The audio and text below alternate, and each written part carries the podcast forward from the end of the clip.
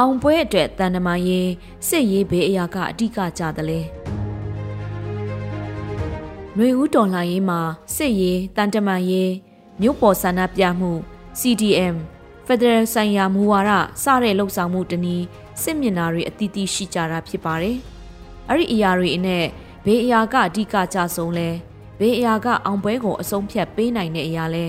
ဘေးအရာကဒုတိယအရေးကြီးဆုံးလဲစသဖြင့်မေးစရာမေးခွန်းတွေရှိနိုင်ပါတယ်။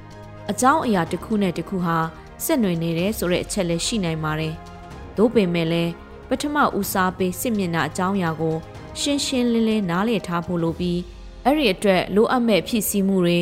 ကြိုးပမ်းရမယ့်အရာတွေကိုလည်းလက်တွေ့မှာဖော်ဆောင်ဖို့လိုမယ်လို့ထင်ပါတယ်။စစ်ရေးလို့ဆိုရင်စစ်အာဏာရှင်စနစ်ဆန့်ကျင်ရေးနဲ့တိုက်ဖြတ်ရေးအတွက်အဓိကကျတဲ့ပေမဖွဲ့စည်းဖြစ်တဲ့အမျိုးသားညီညွတ်ရေးအစိုးရအနေနဲ့လက်နက်ကင်တပ်ဖွဲ့စည်းတာ နေမြေစိုးမိုးမှုအတွက်တိုက်ခိုက်တာ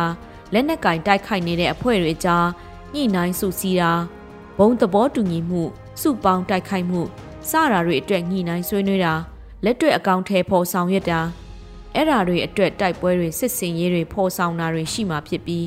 မြို့ပေါ်မှာစစ်ကောင်စီရဲ့အုပ်ချုပ်ရေးကိုမတီးဆောက်နိုင်အောင်ရည်ရွယ်လှုပ်ဆောင်တဲ့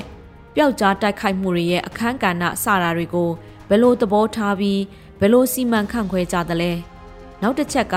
မိမိတို့ဘာသာဖွဲ့စည်းကြတဲ့လက်နက်ကိုင်ဖွဲ့စည်းတွေကိုစုစည်းရမှာဘယ်လိုအခြေခံအချက်ပေါ်မှာစုစည်းကြမလဲမိမိတို့ဘာသာဖွဲ့စည်းပေါ်ပေါက်လာတဲ့အဖွဲ့တွေလိုက်နာရမယ့်စီမင်းစည်းကမ်းတွေ၎င်းတို့ကိုထောက်ပံ့ရမယ့်တာဝန်ဝတ္တရားစတာတွေလည်းတစ်စစ်တစ်ဆက်တည်းစစ်ဆက်ပါဝင်လာမှာဖြစ်ပါတယ်။ UNG အနေနဲ့ PDF အဖွဲ့ကိုဖွဲ့စည်းတာတစ်နှစ်ပြည့်မြောက်လာပြီဖြစ်ပေမဲ့အချို့သောဒေတာတွေမှာပေါ်ထွက်လာတဲ့ local PDF လို့ခေါ်တဲ့ဒေတာကမိမိဘာသာဖွဲ့စည်းတဲ့ LPDF တွေနဲ့စုစည်းချိတ်ဆက်လုပ်ကင်ဖို့စနစ်အဲ့ဒီအဖွဲ့တွေကိုထောက်ပံ့မှုပေးဖို့လိုအပ်တယ်လို့စီမင်းစည်းကမ်းတွေလည်းတသမတ်တေးချမှတ်လိုက်နာကြဖို့လိုအပ်လိုက်မှာဖြစ်ပါတယ်။ UNG ရဲ့ငင်ကြားမှုနဲ့ NLD ပါတီကိုကြောရိုးထားဖွဲ့စည်းထားတဲ့ပြည်သူ့ကာကွယ်တပ်ဖွဲ့ပကဖတွေတိုင်းသားလက်နက်ကင်တပ်ဖွဲ့တွေ LPDF တွေစတဲ့လက်နက်ကင်အဖွဲ့တွေအကြား စစ်စင်ရေးလိုမျိုးခုခံကာကွယ်ရေးလိုမျိုးမှာနီးကပ်စွာပူပေါင်းလှုပ်ဆောင်မှုစတာတွေကတနှစ်ကြာတဲ့အချိန်ထိရှင်းရှင်းလင်းလင်းနဲ့စနစ်တစ်ခုပေါ်ထွက်လာတဲ့အနေအထားတော့မရှိသေးတာတွေ့ရပါတယ်။ဒီလိုစုစည်းမှုတွေအတွက်အခက်ခဲတွေစိန်ခေါ်မှုတွေအများပြားရှိနိုင်တာလည်းအမှန်ပဲဖြစ်ပါတယ်။အခြေခံမှုဆိုင်ရာအခက်ခဲယက်တီချက်ဆိုင်ရာအခက်ခဲအနာဂတ်တည်ဆောက်မဲ့နိုင်ငံမူဝါဒဆိုင်ရာပုံဖော်မှုဆိုင်ရာအခက်ခဲတွေရှိနိုင်တာလည်းဖြစ်ပါတယ်။ ခုရပိုင်းပေါ်ထွက်လာတဲ့ဖက်ဒရယ်အရေးပညာပေးစာဆောင်မှာဖော်ပြထားတဲ့ဆက်လေးပြည်ထောင်မှုစောင်းပါလိုမျိုးက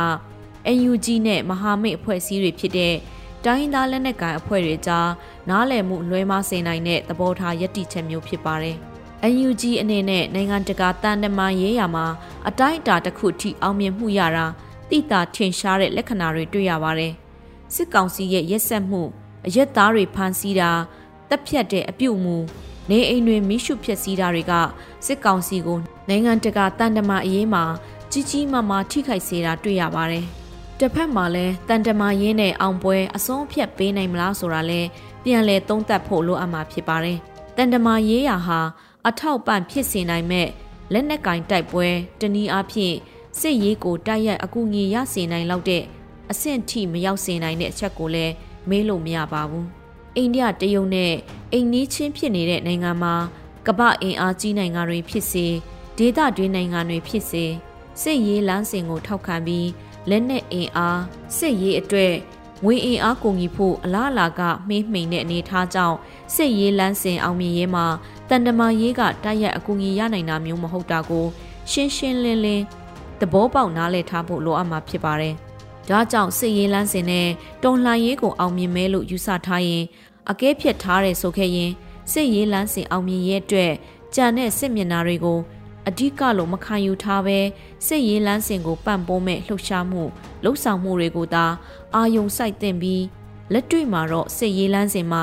မဟာမိတ်ဖြစ်နိုင်သူတွေမဟာဗျူဟာမှာပူးပေါင်းလှုပ်ဆောင်မဲ့အဖွဲ့တွေကိုလက်တွေ့ကြတဲ့ကမ်းလှမ်းမှု အခြေခံမှုဆိုင်ရာလိုက်လျောနိုင်သမျှလိုက်လျောမှု ရိုးသားစွာပူပေါင်းလှုပ်ဆောင်မှုတွေနဲ့လှုပ်ဆောင်မှုကအရေးကြီးဆုံးအချက်ဖြစ်လိမ့်မယ်လို့ယူဆမိပါတယ်။